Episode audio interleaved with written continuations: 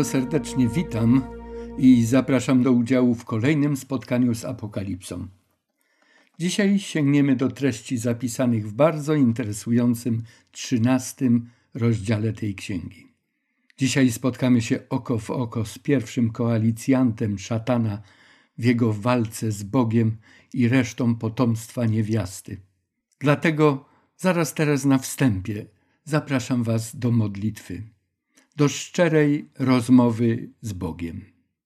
Drogi nasz Panie i Ojcze, kolejny raz pragniemy doświadczyć obecności Twego świętego ducha w czasie naszego spotkania. Czytać będziemy jak zwykle bardzo ważny tekst Twojego słowa, ale szczególnie dzisiaj prosimy o jasny, czysty umysł. Potrzebujemy skupienia naszych myśli wokół tych treści, które już wielokrotnie przecież czytaliśmy. Jednakże, jak każde spotkanie z Biblią, tak i to jest dla nas bardzo istotne, gdyż nie chodzi nam jedynie o utrwalenie czegoś, co być może już wiemy, ale chodzi nam o głębsze poznanie Twojej woli, Twojego planu, a także o siłę oraz umiejętność kroczenia za Tobą w tym, coraz bardziej złożonym i niebezpiecznym czasie historii naszej planety. Drogi Ojcze, w imieniu Twojego Syna i naszego Zbawiciela proszę o rozpoznanie tych wyzwań, ochronę i bezpieczne prowadzenie nas w codziennym naszym życiu. Amen. Tytuł dzisiejszego spotkania oparłem na treści pierwszych dziesięciu tekstów trzynastego rozdziału objawienia. Bestia albo zwierzę wychodzi z morza. Zaraz na wstępie nasuwa się pytanie, dlaczego ta dziwna bestia, posiadająca cechy kilku dzikich zwierząt lądowych, wychodzi z morza? Apokalipsa, jak to już do tego przywykliśmy, jest księgą obrazów i symboli. Wiemy już, że zwierzęta nie obrazują zachowań zwierząt, ale ludzi, ich władze, ich sposoby panowania, podstępu, walki tych różnych mocarstw, państw, a także instytucji, które te zwierzęta reprezentują. Kilkakrotnie w tej księdze mowa jest też o wodach, o rzekach, morzach. Symboliką morza spotkaliśmy się już w Starym Testamencie, szczególnie u proroków takich jak Daniel. Biblia wyjaśnia tę symbolikę, nawet w samej Apokalipsie w 17 rozdziale i wierszu 15 czytamy, że wody, które prorok widział, to ludy, tłumy, narody i języki. Tak więc zwierzę wychodzące z morza to jakaś inteligentna potęga, moc, instytucja ludzka, która jest rozpoznawalna w historii. Zanim jednak będziemy szukać wyjaśnienia symbolu zwierzęcia wychodzącego z morza, zastanowimy się jeszcze nad inną, uważam, dość istotną kwestią. Jest to niezwykła sytuacja. Według objawienia rozdziału 5 baranek, czyli Jezus Chrystus, po swoim w niebo wstąpieniu otrzymał władzę nad całą ziemią. A według objawienia trzynastego rozdziału zwierzę panuje nad całą ziemią i nad jej mieszkańcami. Jak Jezus i zwierzę mogą panować w tym samym czasie, na tym samym terenie, nad tymi, którzy żyją na ziemi? To nasze spotkanie zapowiada się interesująco. Rozpocznijmy jednak od ponownego spojrzenia na nasz dwukierunkowy tekst. I zawrzał smok gniewem na niewiastę i odszedł, aby podjąć walkę z resztą jej potomstwa, które strzeże przykazań Bożych i trwa przy świadectwie o Jezusie.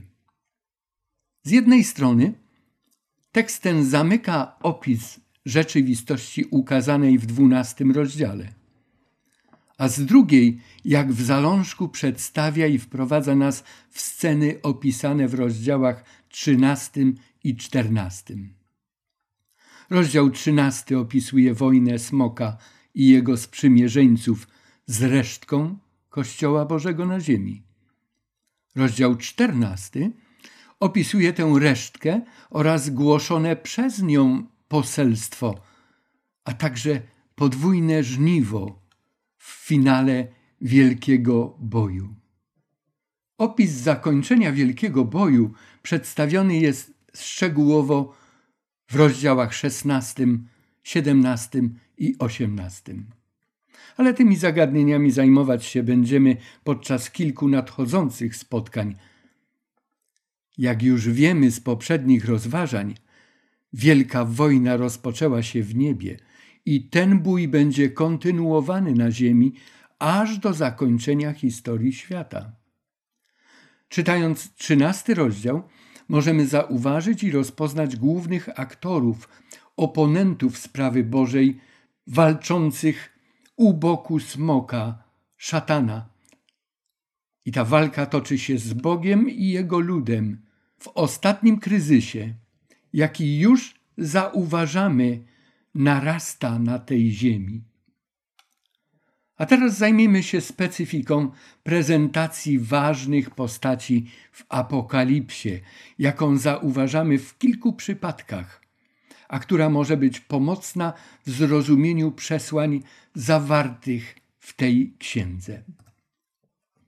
Spojrzymy na dwa przykłady wcześniejszych już zapisów.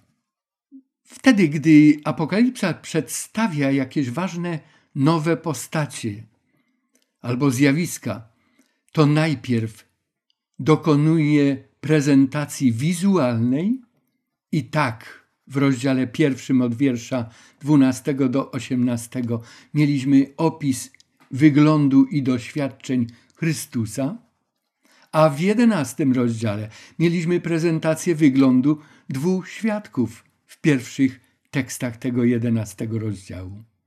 Potem następuje identyfikacja tych postaci, czy wydarzeń, czy scen. Identyfikacja dokonana poprzez zwrócenie uwagi na ich ogólną charakterystykę i na działania. A więc w odniesieniu do Chrystusa to będzie drugi i trzeci rozdział, gdzie ukazane są praktyczne, ciągłe działania Chrystusa, troska o Kościół. W odniesieniu do dwóch świadków to w jedenastym rozdziale, wierszu piątym i szóstym mamy ogólny opis ciągłego działania tych dwóch świadków na przestrzeni wieków.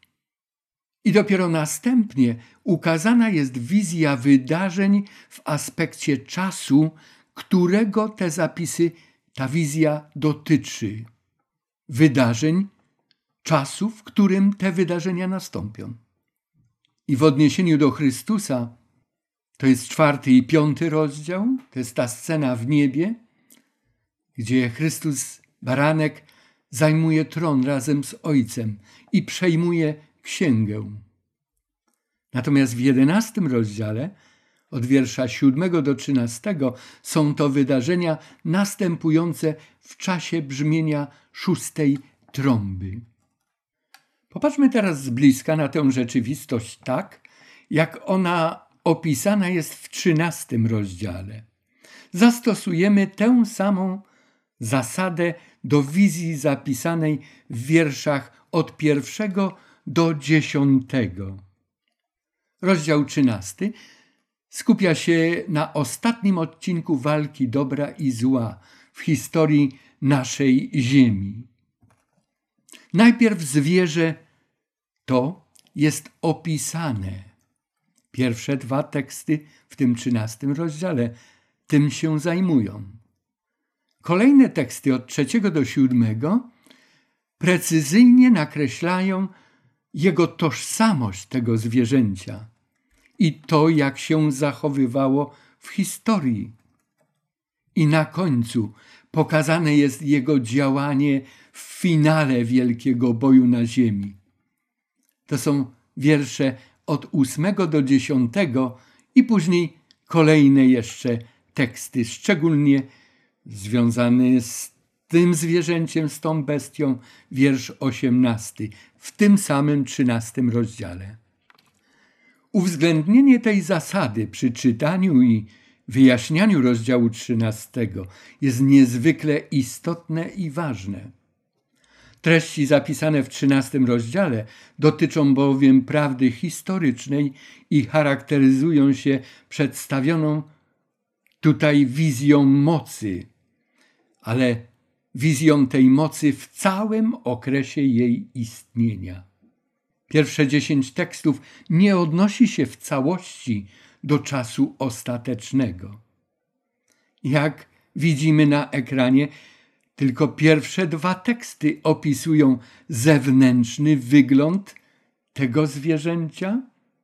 Następnie od trzeciego do siódmego wiersza mamy teksty, które zawierają przesłanie dotyczące wykazania i zaświadczenia o tożsamości tego zwierzęcia czy bestii, która w historii istniała już przecież od wieków, a która także w czasie końca odegra szczególną rolę w walce z Kościołem Boga na ziemi.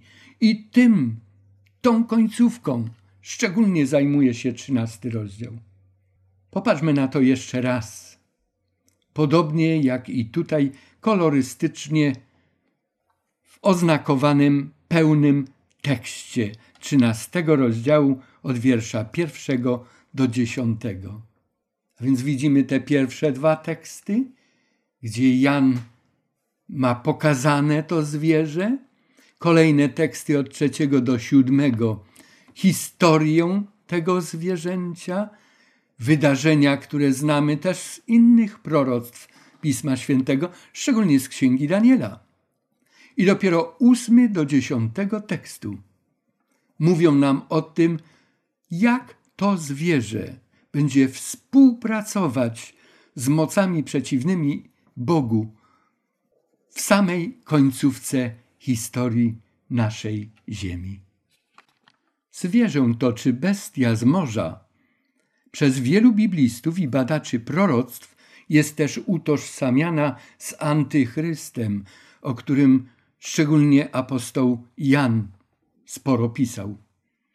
Kluczowym przeciwnikiem prawdy. I to w ostatniej fazie walki diabła z Chrystusem. Pamiętamy też, że zwierzę imituje misję i działalność Chrystusa Bożego. Przejdźmy zatem do analizy pierwszych dziesięciu tekstów trzynastego rozdziału. Przedtem jednak zatrzymamy się na krótko przy tekście, który w różnych przekładach biblijnych kończy dwunasty rozdział albo rozpoczyna trzynasty rozdział. Jest to osiemnasty wiersz z dwunastego rozdziału, a w niektórych przekładach jest to pierwszy tekst trzynastego rozdziału. W zależności od przekładów różnie on brzmi. W Biblii Warszawskiej, Biblii Brzeskiej, Biblii Gdańskiej czytamy i stanąłem na piasku morskim, czy na piaszczystym wybrzeżu. Biblia Jakuba Wójka, Biblia Tysiąclecia, Biblia Warszawsko-Praska, a również inne przekłady mówią i stanął na piasku. Jeżeli byśmy spojrzeli do kodeksów, z których dokonywane były przekłady, to kodeks watykański i synajski ujmują to właśnie w tej pierwszej formie. I stanąłem, inaczej, że to Jan stanął na piaszczystym wybrzeżu morskim.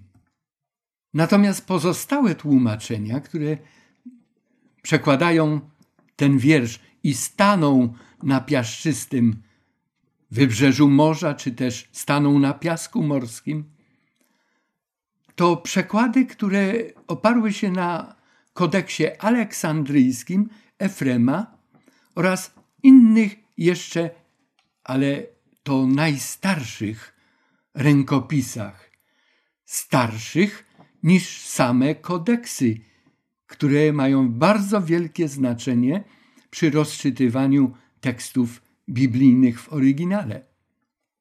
A więc kto stanął na piaszczystym wybrzeżu morskim? Jan czy smok? Czy to, jak brzmi ten, ten tekst, ma jakieś znaczenie dla rozumienia całości? Czy i jakie to może mieć znaczenie dla rozumienia treści tej wizji? A więc są dwie możliwości. Jeżeli to Jan stanął na piaszczystym wybrzeżu morskim i stamtąd oglądał sceny opisane w trzynastym rozdziale, to morze, na które patrzył, z którego wychodzi pierwsze apokaliptyczne zwierzę, jest Morzem Egejskim, a ziemia, z której wyłania się drugie zwierzę, to wyspa Patmos, położona na tym morzu. Natomiast jeżeli te apokaliptyczne sceny należy traktować jako symbole rzeczywistości historycznych, to morze, z którego wyłania się zwierzę, zgodnie z apokaliptyczną wykładnią, to jest 17 rozdział, wiersz 15, o czym już mówiliśmy, to narody, języki i ludy. To nie z wody z Morza Egejskiego, a z tych środowisk, konkretnie z terenów Imperium Rzymskiego, wyjawia się to pierwsze zwierzę, któremu smok, inaczej szatan, panujący także nad Rzymem, który panuje wtedy, gdy Jan jest zesłany na wyspę Patmos i pisze Apokalipsę. To ten smok przekazuje siłę swoją i tron swój i wielką moc temu zwierzęciu. A więc nie mamy do czynienia z rzeczywistościami, mamy tu do czynienia z symbolami.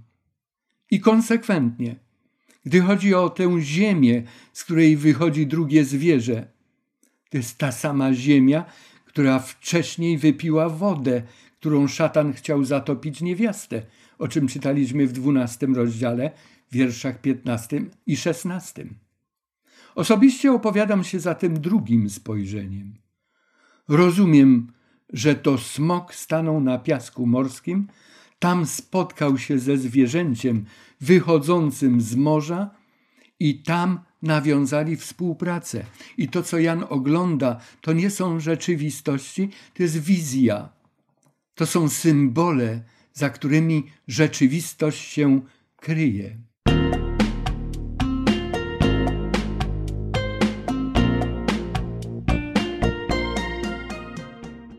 A teraz zajmijmy się już czytaniem tego tekstu od wiersza pierwszego.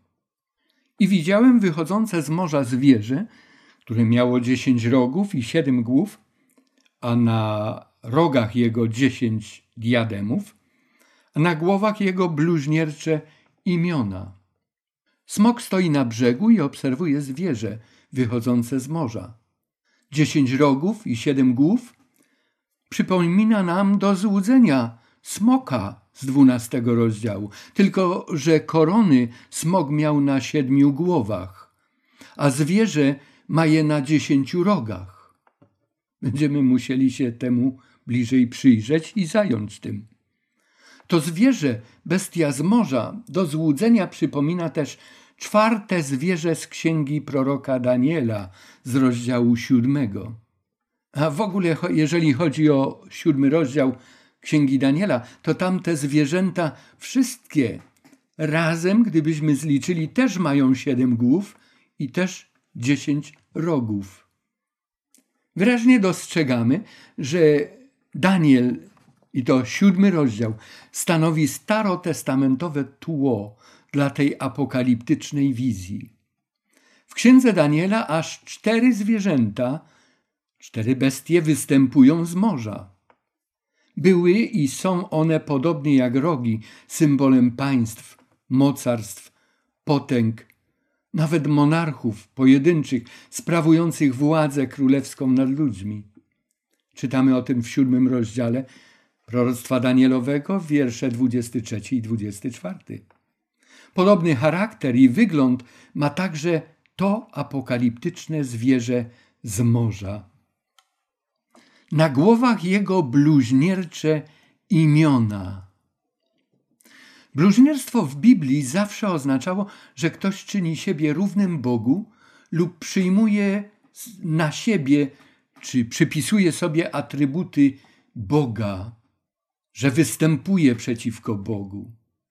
Możemy o tym przeczytać w Ewangelii Jana w dziesiątym rozdziale, wierszu 33, gdy Chrystus mówi, że jest jedno z Ojcem, to chcą go ukamionować i tłumaczą mu za to bluźnierstwo, że ty, będąc człowiekiem, czynisz się równym Bogu. Podobne teksty możemy znaleźć jeszcze w Ewangelii Marka, w drugim rozdziale, wierszu siódmym i w Ewangelii Mateusza, w dziewiątym rozdziale, wiersze drugi i trzeci. Mamy więc tutaj do czynienia z mocą nie tylko polityczną, ale także religijną, która stoi w opozycji do Boga i do Jego ludu, do Jego kościoła. Te cechy zwierzęcia kierują naszą uwagę także na małe rogi, które widział Daniel. Siódmy rozdział to jest wiersz siódmy i od 20 do 25 oraz w ósmym rozdziale wiersze od 9 do 12. Bardzo zachęcam, drogi słuchaczu, abyś zajrzał do tych tekstów. Dziwny to obraz. Mamy tutaj zwierzę, mocarstwo czy instytucję wychodzącą z morza, inaczej z ludów, z tłumów, z narodów, języków, a więc w środowisku gęsto zaludnionym, środowisku, którym posługiwał się szatan w walce z prawdą, z Bogiem i jego ludem i czynił to przez wszystkie wieki. A w czasie apokalipsy przez Rzym polityczny, przez imperium rzymskie. Ta bestia, która tutaj jest opisana, nie jest podobna do żadnego normalnego zwierzęcia. Jej budowa jest bardzo złożona, skomplikowana, to jakaś hybryda. Czytamy, zwierzę, które widziałem, było podobne do pantery, nogi jego jak u niedźwiedzia, paszcza jego jak paszcza lwa. Przekazał mu smok siłę swoją i tron swój i wielką moc. Jedynie przypomnienie wizji z Daniela siódmego rozdziału powoduje, że łatwiej jest nam pojąć, dlaczego tak to zostało przedstawione i co to oznacza. Zwierzę jest opisywane tak, jak widzi je Jan. Ono wychodząc z wody staje się coraz bardziej widoczne. Najpierw rogi, później głowy, później tułów, nogi.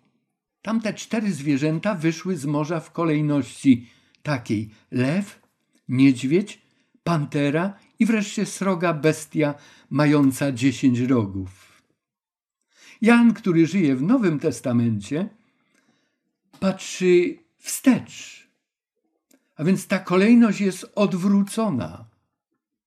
W Apokalipsie zwierzę to posiada elementy trzech pierwszych zwierząt z księgi Daniela, a w całości wygląda jak ta czwarta bestia. Każde następne zwierzę, mocarstwo, tak było u Daniela, tak jest w Apokalipsie. Dziedziczy od swoich poprzedników bogactwa, wpływy, religię, kulturę, do których to zdobyczy dodawało swój dorobek, by następnie przekazać go dalej. Zwierzę, bestia z morza opisana w XIII rozdziale, przedstawia sobą sumę tego wszystkiego, czym były i co sobą prezentowały poprzednie zwierzęta oglądane przez proroka Daniela. Więc jeszcze raz wyliczmy lew to Babilon, niedźwiedź Medo-Persja, pantera to Grecja, dziesięciorożna sroga bestia to Rzym, Imperium Rzymskie, a także małe rogi charakteryzujące się zabarwieniem religijnym oraz wrogością do Boga. Podsumujmy to wszystko, co do tej pory mogliśmy już zrozumieć. Zwierzę z wyglądu podobne do każdego z tych, jakie Daniel oglądał, ma dziesięć diademów na swoich dziesięciu rogach. Jest też podobne do smoka, który ma siedem diademów na jego siedmiu głowach. Co to może oznaczać? Dodatkowo Smok przekazuje zwierzęciu swoją siłę i swój tron i wielką moc. Zarówno czwarte zwierzę z Daniela siódmego rozdziału, jak i smok z Apokalipsy dwunastego rozdziału reprezentowały i realizowały swoje cele, posługując się panującymi w Cesarstwie Rzymskim w czasie jego rządzenia. Co więcej, to apokaliptyczne zwierzę z morza posiada, jak już mówiliśmy, także cechy charakterystyczne małego rogu z księgi Daniela siódmego rozdziału i jest tożsame z nim, a także z małym rogiem opisanym przez tegoż proroka w rozdziale ósmym od wiersza dziewiątego do dwunastego. Szatan w walce z Chrystusem i jego kościołem w czasach, kiedy Jan spisywał apokalipsę, działał poprzez Rzym polityczny, pogański. W dwunastym rozdziale zostało to zaznaczone tymi koronowanymi głowami smoka. Ale szatan działa też za pośrednictwem ideowo podzielonych i poglądowo zróżnicowanych państw i królestw powstałych po upadku imperium, a szczególnie w czasie końca historii świata. Symbolizują je w tym przypadku koronowane rogi na zwierzęciu czy tej bestii z morza. Dotyczy to czasu po upadku Imperium Rzymskiego, czyli po roku 476 naszej ery, po ukonstytuowaniu się też tych dziesięciu królestw, o których tam mowa, o których prorokował już wcześniej Daniel. A to samo znajdujemy także w Apokalipsie. Już od czasów Konstantyna Wielkiego, kiedy to coraz wyraźniej widać było zbliżający się rozpad imperium, cesarze rzymscy w chrześcijaństwie upatrywali nadziei ocalenia imperium. To oni, zwołując pierwsze sobory, już wtedy nawoływali wyznawców Chrystusa do jedności wiary i miłości, która mogła pomóc nadal istnieć także pogańskiemu Rzymowi. Szczególnie Konstantyn Wielki był bardzo zainteresowany tym, aby wartości moralne chrześcijaństwa zaszczepić obywatelom cesarstwa. Rzym jednak upadł, a smok, szatan, chcąc zniszczyć Kościół, mówiąc bardzo skrótowo, zaoferował biskupom władzę, panowanie, zaszczyty, bogactwo, uznanie społeczne. Szkoda, że to zadziałało. Biskup Rzymu przy wielkim poparciu Justyniana, cesarza bizantyjskiego, został przez niego uznany i mianowany najważniejszym biskupem, głową wszystkich świętych kościołów, o czym dowiadujemy się z zachowanego listu Justyniana do Jana, patriarchy i arcybiskupa Rzymu, jak go tytułował cesarz. List ten był napisany 533 roku. Jeszcze na przestrzeni kilkudziesięciu lat tak zwana stolica apostolska i pozycja arcybiskupa Rzymu były budowane przez tego cesarza. Sprawa ta nabrała rozmachu po wypędzeniu ostrogotów z Rzymu. Od 538 roku nie mieli już wstępu do tej dawnej stolicy cesarstwa. Tak to zwierzęciu z morza smok, czyli diabeł, przekazał siłę swoją i tron swój i wielką moc. A to wszystko działo się pod auspicjami Cesarstwa Wschodnio-Rzymskiego. A więc to moc pogańskiego Rzymu, jego autorytet, jego władza przekazane zostały chrześcijańskiemu biskupowi, który rezydował w tej dawnej stolicy imperium. W tekście trzecim czytamy, że jedna z głów jego była śmiertelnie raniona, lecz śmiertelna rana jego była wygojona i cała ziemia szła w podziwie za tym zwierzęciem. Jedna z głów śmiertelnie raniona. Jeśli będziemy kierować się taką samą kolejnością, jaką znajdujemy w księdze Daniela, a należałoby to czynić, to należałoby też wyciągnąć wniosek, że chodzi tutaj właśnie o to zwierzę, że to zwierzę, które wyszło z morza, miało przestać istnieć, miało być uśmiercone, otrzymać śmiertelną ranę. Zresztą, gdy porównamy to z czternastym wierszem w tym trzynastym rozdziale, to otrzymujemy potwierdzenie. Ta zraniona głowa zadała śmierć temu zwierzęciu. Interesującą informacją na temat dalszych losów zwierzęcia tego znajdujemy także w Apokalipsie w 17 rozdziale i wierszu 8. Tam właśnie czytamy o takim zwierzęciu, które było, już go nie ma i znowu ma wyjść otchła z otchłani. Więc wyraźne nawiązanie do tego tekstu trzeciego z trzynastego rozdziału, do zadania śmiertelnej rany, która będzie uleczona. Zwierzę, które widziałeś, tak brzmi dokładnie ten tekst 17 rozdziału, było już go nie ma i znowu wyjdzie z otchłani i pójdzie na zatracenie. I zdumieją się mieszkańcy ziemi, których imiona nie są zapisane w księdze żywota od założenia świata, gdy ujrzą, że zwierzę to było, że już go nie ma i znowu będzie. Prawda, że mamy bardzo podobną historię tutaj opisaną. Czy tożsamą? Zaczekajmy do 17 rozdziału. Zapoznajmy się też z opisami takich wydarzeń zamieszczonymi w książce. W zasadzie to jest takie dzieło historyczne pod tytułem Dzieje papieży, napisane przez dwóch historyków Kościoła, Sepelta i Liflera, które dwukrotnie już zostało wydane w języku polskim. Po raz pierwszy 1936 roku, po raz drugi w roku 1997. Na ekranie widzimy tutaj okładki tych dwóch wydań, a również imprymatur. To drugie wydanie było przedrukiem wydania pierwszego, które widocznie cieszyło się powodzeniem, a było już dawno, dawno wyczerpane. Rozdział właśnie traktuje o czymś bardzo przykrym dla papiestwa, co wydarzyło się w końcówce XVIII wieku.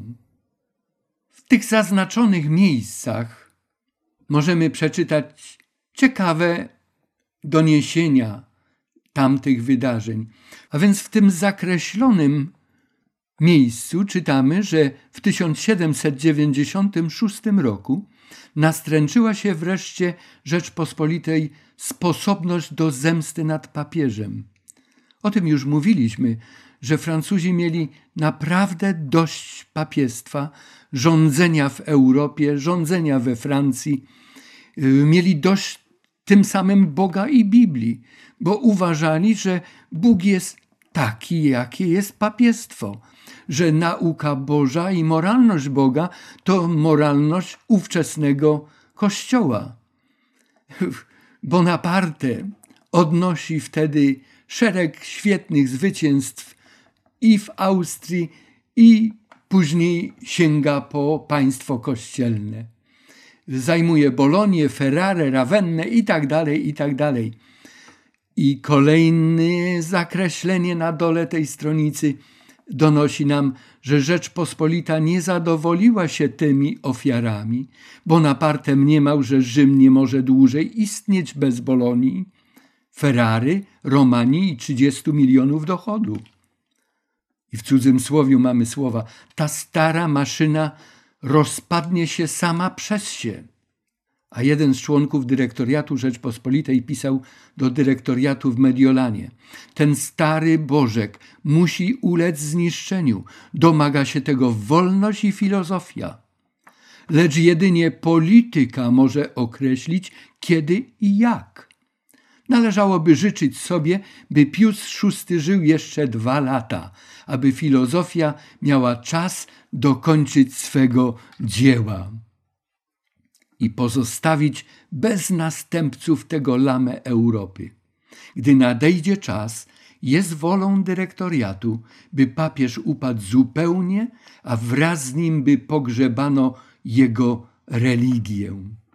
Ten czas, gdy porównamy z proroctwem Daniela, zaskakująco tutaj nam pasuje do siebie. Przecież ci ludzie nie czytali Biblii, a w roku 1796 roku mówią, życzyć by sobie należało, żeby papież jeszcze żył dwa lata, czyli aby dożył do 1798 roku. Ale papież żył dłużej. Na stronicy 469 tego wydania z 1936 roku czytamy te podkreślone miejsca. Do Rzymu wysłano generała Berthier 10 lutego 1798 roku wkroczył on do miasta, które się poddało. 15 proklamowano Rzeczpospolitą. Czystu patriotów ogłosiło na forum detronizację Piusa VI. I dalej mamy bardzo barwne opisy tego, co się działo. Poniżej zakreślenie. Wśród wojsk francuskich, które w 1798 roku zajęły Rzym, znalazły się legiony polskie pod dowództwem Dąbrowskiego i Kniaziewicza. A więc i legiony polskie miały udział w tym aresztowaniu i zadaniu tej śmiertelnej rany instytucji papiestwa. Tym samym trzecim wierszu czytaliśmy, że ta śmiertelna rana tego zwierzęcia została wygojona i wszyscy szli w podziwie za tym zwierzęciem. Zwierzę to powstaje z martwych. Mamy do czynienia tu jak gdyby z parodią śmierci, a także zmartwychwstania Pana Jezusa. Pamiętamy, że to zwierzę imituje działalność naszego Zbawiciela, usiłuje podrabiać to, kim on jest i co sobą reprezentuje? Zwierzę wykorzystuje to jako narzędzie zwiedzenia w upodabnianiu się do ziemskiej działalności Jezusa Chrystusa. Te fakty pozwalają nam na rozpoznanie i określenie tej mocy w historii, zanim poznamy ją w jej finalnym działaniu. Cała ziemia szła w podziwie za tym zwierzęciem.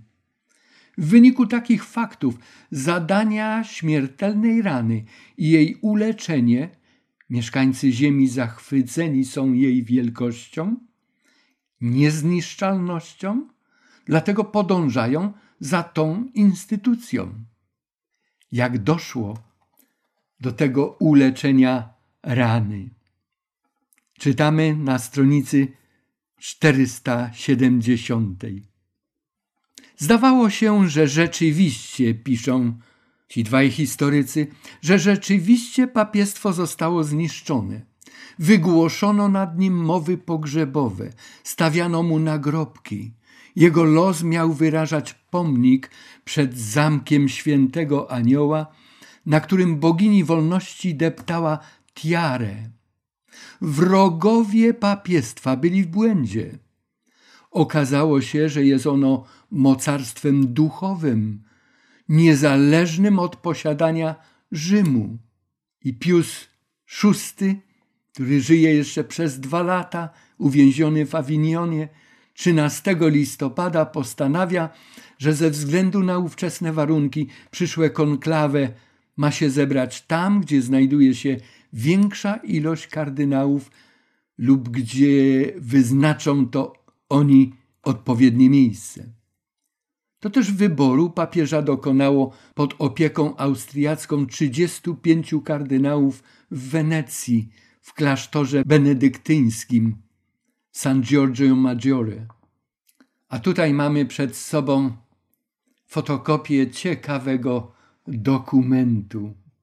Jest to urywek konkordatu, w zasadzie końcówka już tego porozumienia pomiędzy papiestwem a rządem Italii, a nawet załączone jest zdjęcie.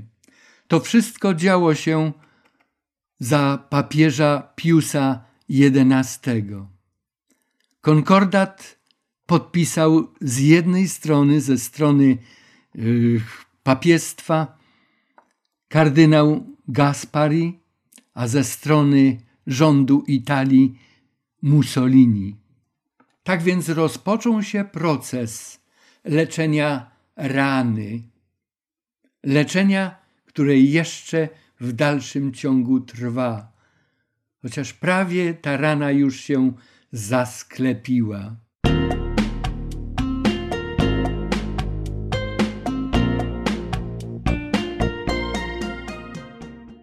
W wierszu czwartym czytamy, że ludzie oddali pokłon smokowi za to, że dał zwierzęciu moc, a także zwierzęciu oddali pokłon, mówiąc, któż jest podobny do zwierzęcia, kto może z nim walczyć.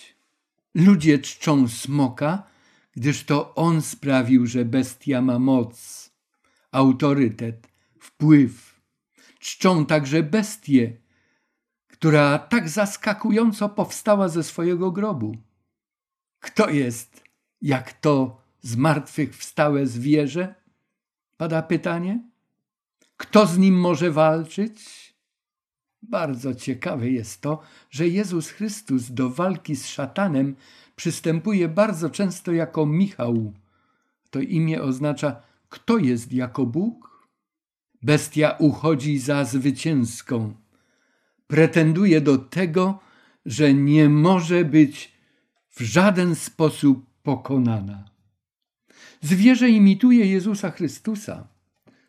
To On był zwycięzcą śmierci i grobu, ale i ono także swoją pozycję buduje na tym, że triumfuje nad grobem i śmiercią, które zostały jej zgotowane.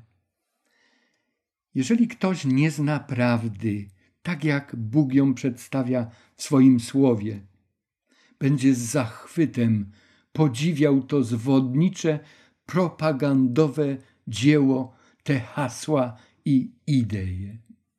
A więc smok odnosi i święci triumfy. W wierszu piątym czytamy, że dano mu, temu zwierzęciu, paszczę mówiącą rzeczy wyniosłe i bluźniercze. Dano mu też moc działania przez czterdzieści dwa miesiące. Zwierzę wypowiada wyniosłe słowa i bluźnierstwa. Wykonuje swoje dzieło przez określony czas 42 miesięcy. Pamiętam jeszcze ten tekst z jedenastego rozdziału i wiersza drugiego, gdzie mowa była o 42 miesiącach tratowania świętego miasta, czyli ludu Boga, przez narody. Księga Daniela określiła tę moc jako mały róg, który miał oczy i usta, które mówiły zuchwałe słowa. Przeczytajmy je. I będzie mówił zuchwałe słowa przeciwko Najwyższemu, będzie męczył świętych Najwyższego, będzie zamyślał odmienić czasy i zakon, i będą wydani w jego moc aż do czasu i czasów i pół czasu. Popatrzmy, ciągle jesteśmy wokół tego okresu proroczego. Na poprzednim naszym spotkaniu mówiliśmy, że 1260 tych dni proroczych, czyli lat, 42 miesiące i czas, czasy i pół czasu, to jest jeden i ten sam okres. Przeczytajmy wiersz szósty. I otworzyło paszczę swoją, by bluźnić przeciwko Bogu, bluźnić przeciwko imieniu Jego i przybytkowi Jego, przeciwko tym, którzy mieszkają w niebie. Kto to są ci, którzy mieszkają w niebie? O kim tutaj jest mowa? Według nauki nowotestamentowej Są to ludzie wierzący w Jezusa Chrystusa. W liście do Efezjan możemy przeczytać te słowa. Ale Bóg, który jest bogaty w miłosierdzie, dla wielkiej miłości swojej, którą was umiłował i nas, którzy umarliśmy przez upadki, ożywił wraz z Chrystusem. Łaską zbawieni jesteście i wraz z Nim wzbudził i wraz z Nim posadził w okręgach niebieskich w Chrystusie Jezusie, aby okazać w przyszłych wiekach nadzwyczajne bogactwo łaski swojej w dobroci wobec nas w Chrystusie Jezusie. Naśladowcy Chrystusa, chociaż nadal żyją na tej ziemi, to już wszyscy oni posiadają niebiańskie obywatelstwo z uwagi na przynależność do Jezusa Chrystusa, ich króla i pana. Już w okręgach niebieskich są, jak czytaliśmy w tym liście do Efezjan. Chociaż jeszcze nie. Do tych myśli jeszcze dzisiaj powrócimy. Już coś otrzymałeś? Już coś masz? Chociaż jeszcze nie w tej chwili możesz to konsumować. Jest to jeden z wielu paradoksów biblijnych. Do tej myśli powrócimy. A teraz zajmiemy się tym, w jakim stanie i dlaczego znalazło się chrześcijaństwo, które odwróciło się od prostych i pięknych nauk Pisma Świętego, a w ich miejsce wprowadziło swoje ludzkie pojęcia, nauki i praktyki. Tylko na niektóre z tych ważnych, odstępczych poczynań zwrócimy uwagę. Nie będę ich nawet czytał, może się przy których zatrzymamy, ale będą one ukazywały się na ekranie. Chciałbym zwrócić uwagę, że niegdyś biblijny Boży Kościół przekształcił się w kościół dogmatów i tradycji. Przez całe stulecia kolejne tradycje zajmowały miejsce nauk Boga zapisanych w Piśmie Świętym. Ale ludziom zakazano czytać Pismo Święte. Prostą pamiątkę ostatniej wieczerzy Jezusa z apostołami zamieniono w obrzęd wielokrotnego ponawiania doskonałej i jednorazowej ofiary Pana naszego Jezusa Chrystusa, a ponawia się to na ołtarzach ziemskich świątyń. Jest to jedno z największych bluźnierstw wobec ofiary Jezusa Chrystusa, jaką ponad dwa tysiące lat temu złożył osobiście, umierając na krzyżu dla naszego zbawienia. Próby zmiany dekalogu, niezmiennego Bożego prawa, otworzyło Kościołowi drogę do bałwochwalczego kultu obrazów i figur. Trwa to do dzisiejszego dnia. Zmieniono święcenie Bożego Dnia Odpocznienia Szabatu na święcenie niedzieli, pogańskiego Dnia Słońca. W łacinie tak się nazywa ten dzień, dies solis. W języku angielskim podobnie Sunday, Dzień Słońca, Sonnentag po niemiecku. To był ukłon Kościoła w stronę pogańskiej obyczajowości, kosztem odwrócenia się od Stwórcy i pamiątki Jego twórczego działania w ciągu sześciu dni i w siódmym dniu odpocznienia. W internecie możemy zapoznać się również z wykazem odpustów. Odpusty w Kościele Powszechnym były nadal i są praktyką podkreślającą babilońską naukę o zbawieniu przez ludzkie wysiłki, tak zwane dobre uczynki, a także za pieniądze wpłacone do skarbnicy Kościoła. Z tym się wiążą, wiąże również kult świętych, wstawiennictwo świętych. podczas gdy Biblia mówi o jednym pośredniku, którym jest Jezus Chrystus i zastrzega, nie ma żadnego innego. W XVI wieku powszechnie znane były odpusty, kiedy to oficjalny przedstawiciel papieża, dominikanin Johann Tetzel, sprzedawał, aby zgromadzić środki na budowę katedry świętego Piotra w Watykanie i rozbudowy tej katedry. Dr Marcin Luther, duchowny i reformator Kościoła, a także propagator zbawienia z łaski Bożej, bez uczynków, jak to czytamy w liście do Efezjan w drugim rozdziale od wiersza ósmego do dziesiątego. Zdecydowanie sprzeciwiał się praktyce odpustów, czyli zbawienia za pieniądze. Luter za taką postawę został wyklęty z kościoła. Kościół zdecydowanie zwalczał wszystkich, którzy mieli zaufanie do Biblii i nie akceptowali ludzkich nauk ani praktyk dominujących nie tylko w tamtym czasie, ale do dzisiejszego dnia.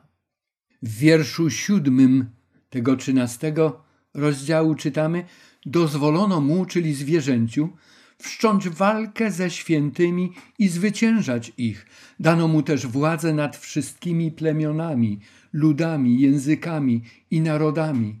Ten wiersz siódmy należy jeszcze do tej części trzynastego rozdziału, w której jest ogólny opis i charakterystyka tego zwierzęcia, gdzie wydobywana jest tożsamość zwierzęcia, które tutaj wychodzi z wody i w czasie końca dokonywać będzie strasznych rzeczy, wspomagana przez smoka. Nad wszystkimi plemionami, ludami, językami i narodami. Ciekawe jest, że do tych samych grup ludzi dociera Bóg ze swoją Ewangelią. Widziałem innego anioła, napisał Jan w czternastym rozdziale, wierszu szóstym. Leciał przez pośrodek nieba, miał Ewangelię wieczną, aby ją zwiastować mieszkańcom ziemi, wszystkim narodom, plemionom, językom i ludom.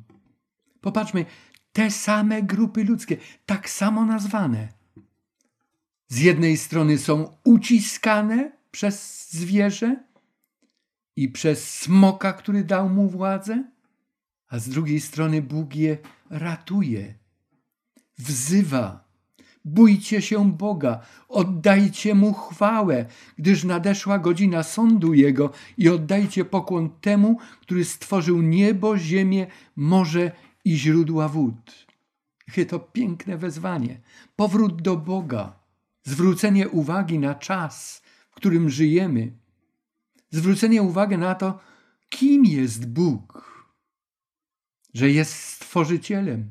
Dzisiaj chrześcijaństwo i również ten powszechny Kościół idzie w kierunku ewolucji, odwraca się od kreacjonizmu. Dawno zarzucił rozumienie dosłowne tego, co czytamy na pierwszych stronach Pisma Świętego pod adresem Boga Stworzyciela i Jego dzieła.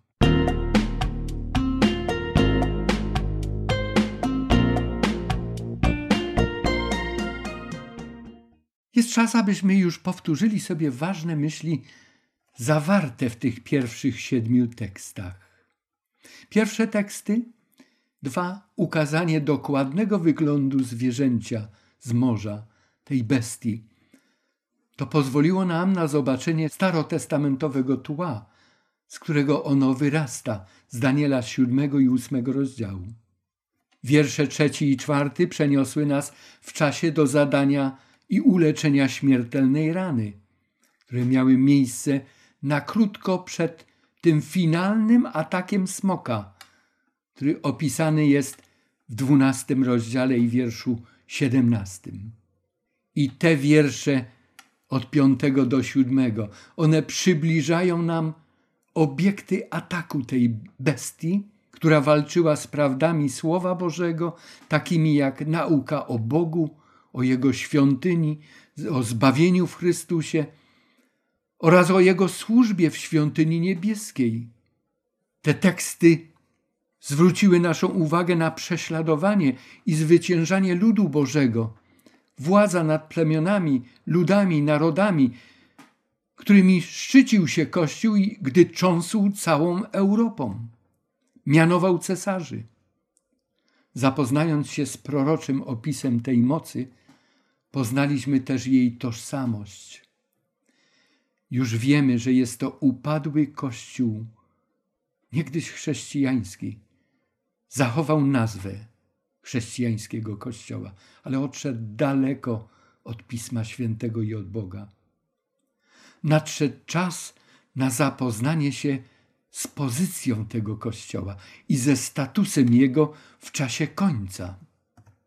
Oddadzą mu pokłon wszyscy mieszkańcy ziemi, każdy, którego imię nie jest od założenia świata zapisane w księdze żywota baranka, który został zabity. Zwróćmy uwagę na zmianę czasu oddawania czci. W wierszu czwartym mowa była w czasie przeszłym, że temu zwierzęciu oddawana była taka cześć, ale wiersz ósmy mówi nam w czasie przyszłym, że to nastąpi jeszcze. Jesteśmy w tym czasie. Biblia nazywa go czasem końca. Oddadzą mu pokłon wszyscy mieszkańcy ziemi. Każdy? Naprawdę? Nie. Każdy, którego imię nie jest od założenia świata zapisane w księdze żywota baranka, który został zabity. Drogi słuchaczu, pomyśl o tym, po której stronie jesteś, gdzie jesteś. Księga żywota, z księga, o której czytamy w Piśmie Świętym, która upewnia nas, że Bóg zna i wspomaga swoje dzieci. On wie, którzy są Jego. Czytamy w drugim liście do Tymoteusza, w drugim rozdziale, wierszu dziewiętnastym. Księga żywota baranka, który został zabity. Tak, Jezus był przeznaczony na śmierć od samego początku, od założenia świata. Są teksty, które mówią przed założeniem świata, na wypadek, gdyby grzech zaistniał. Chrystus był gotowy ratować rodzaj ludzki. To też uczynił. Na początku tego spotkania zastanawialiśmy się, jak to być może, że zwierzę i Chrystus równocześnie panują na ziemi Widzimy, jak to się dzieje? Chodzi o człowieka. Ta walka trwa. Trwa od raju i trwać będzie aż do końca czasu łaski, aż do powrotu Jezusa Chrystusa. O tym czytaliśmy już w rozdziale 11, wierszach 15 i 17. O tym możemy przeczytać w 19 rozdziale, wierszu 6 i 7. Człowiek tak został stworzony, że ma wolną wolę. Może służyć Bogu albo szatanowi, myśląc w wielu przypadkach, że służy Bogu. O tym mówiliśmy na poprzednich naszych spotkaniach także. Istnieje taka nowotestamentowa zasada już, chociaż jeszcze nie teraz. Już o tym mówiliśmy na spotkaniu i obiecałem, że do tego wrócimy.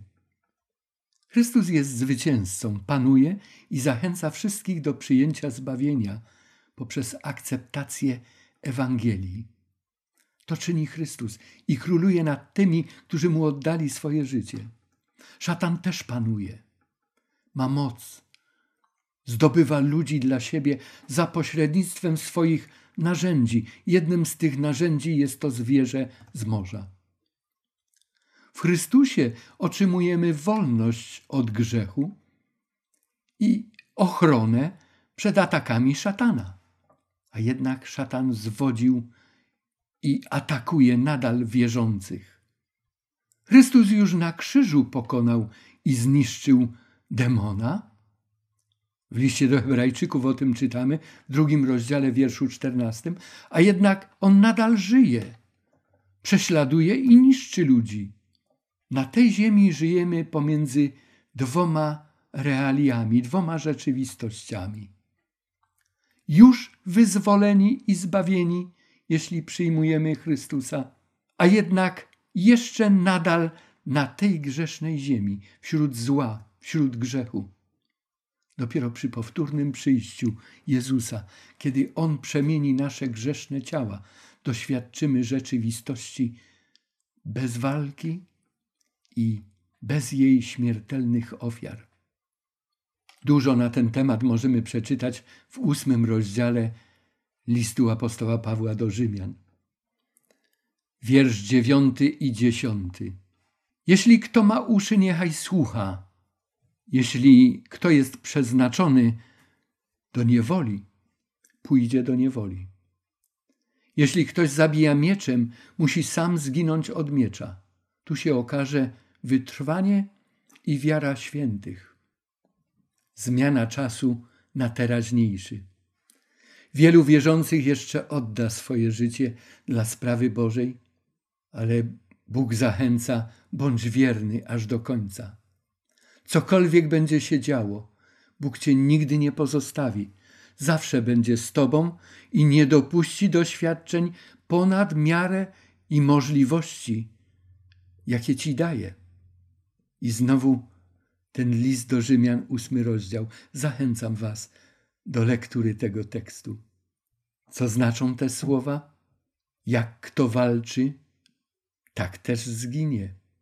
Chrześcijanie wierni Bogu w wytrwałości i cierpliwości osiągną ostateczne zwycięstwo. Co siejesz, to zbierzesz. I chociaż to ostrzeżenie brzmi, jakby chodziło o militaria, to chodzi tu o podjęcie mądrej decyzji, którą musi podjąć każdy indywidualnie w tym wielkim boju o wiarę i zbawienie. Zwróćmy uwagę na niektóre rady apostolskie przeznaczone na czas taki jak ten, w którym żyjemy i ten, który jest przed nami. Apostoł radzi, proroc nie lekceważcie, wszystkiego doświadczajcie, a co dobre, tego się trzymajcie. Od wszelkiego rodzaju zła z dala się trzymajcie. A sam Bóg pokoju niechaj was w zupełności poświęci, a cały duch wasz i dusza i ciało niech będą zachowane bez nagany na przyjście Pana naszego Jezusa Chrystusa. Wierny jest ten, który was powołuje. On też tego dokona. Zauważyliście tę obietnicę na końcu tego tekstu? Bóg jest wierny, On nas powołał i On również nas doprowadzi do celu. Drogi Boże i Panie nasz, jeszcze raz zbliżamy się przed Twój święty tron, aby Ci podziękować za Twoją wielką miłość, dobroć, troskę o każdego człowieka. Ty nigdy nie będziesz ingerował na siłę. Ty pozwalasz nawet szatanowi i temu zwierzęciu dokonywać wielkich rzeczy. Tak jak kiedyś powiedziałeś Piotrowi, szatan wyprosił sobie, aby cię odwiewał jak pszenicę. Ale ja prosiłem za tobą, aby nie ustała wiara twoja. A gdy naprawdę się nawrócisz, utwierdzaj swoich braci. Boże, dopomóż, aby ta modlitwa Pana naszego Jezusa Chrystusa za Piotra również została wysłuchana w intencji mojej i moich słuchaczy. Gorąco Ci za to dziękuję, że Ty nas nigdy nie pozostawisz samym sobie. Niech Ci będzie chwała i cześć. Amen. Dziękuję za udział w dzisiejszym spotkaniu. Kolejne spotkanie będzie miało tytuł Zwierzę czy bestia z ziemi. Zachęcam serdecznie do lektury w trzynastym rozdziale tych tekstów od jedenastego do siedemnastego, w zasadzie do osiemnastego. Do usłyszenia.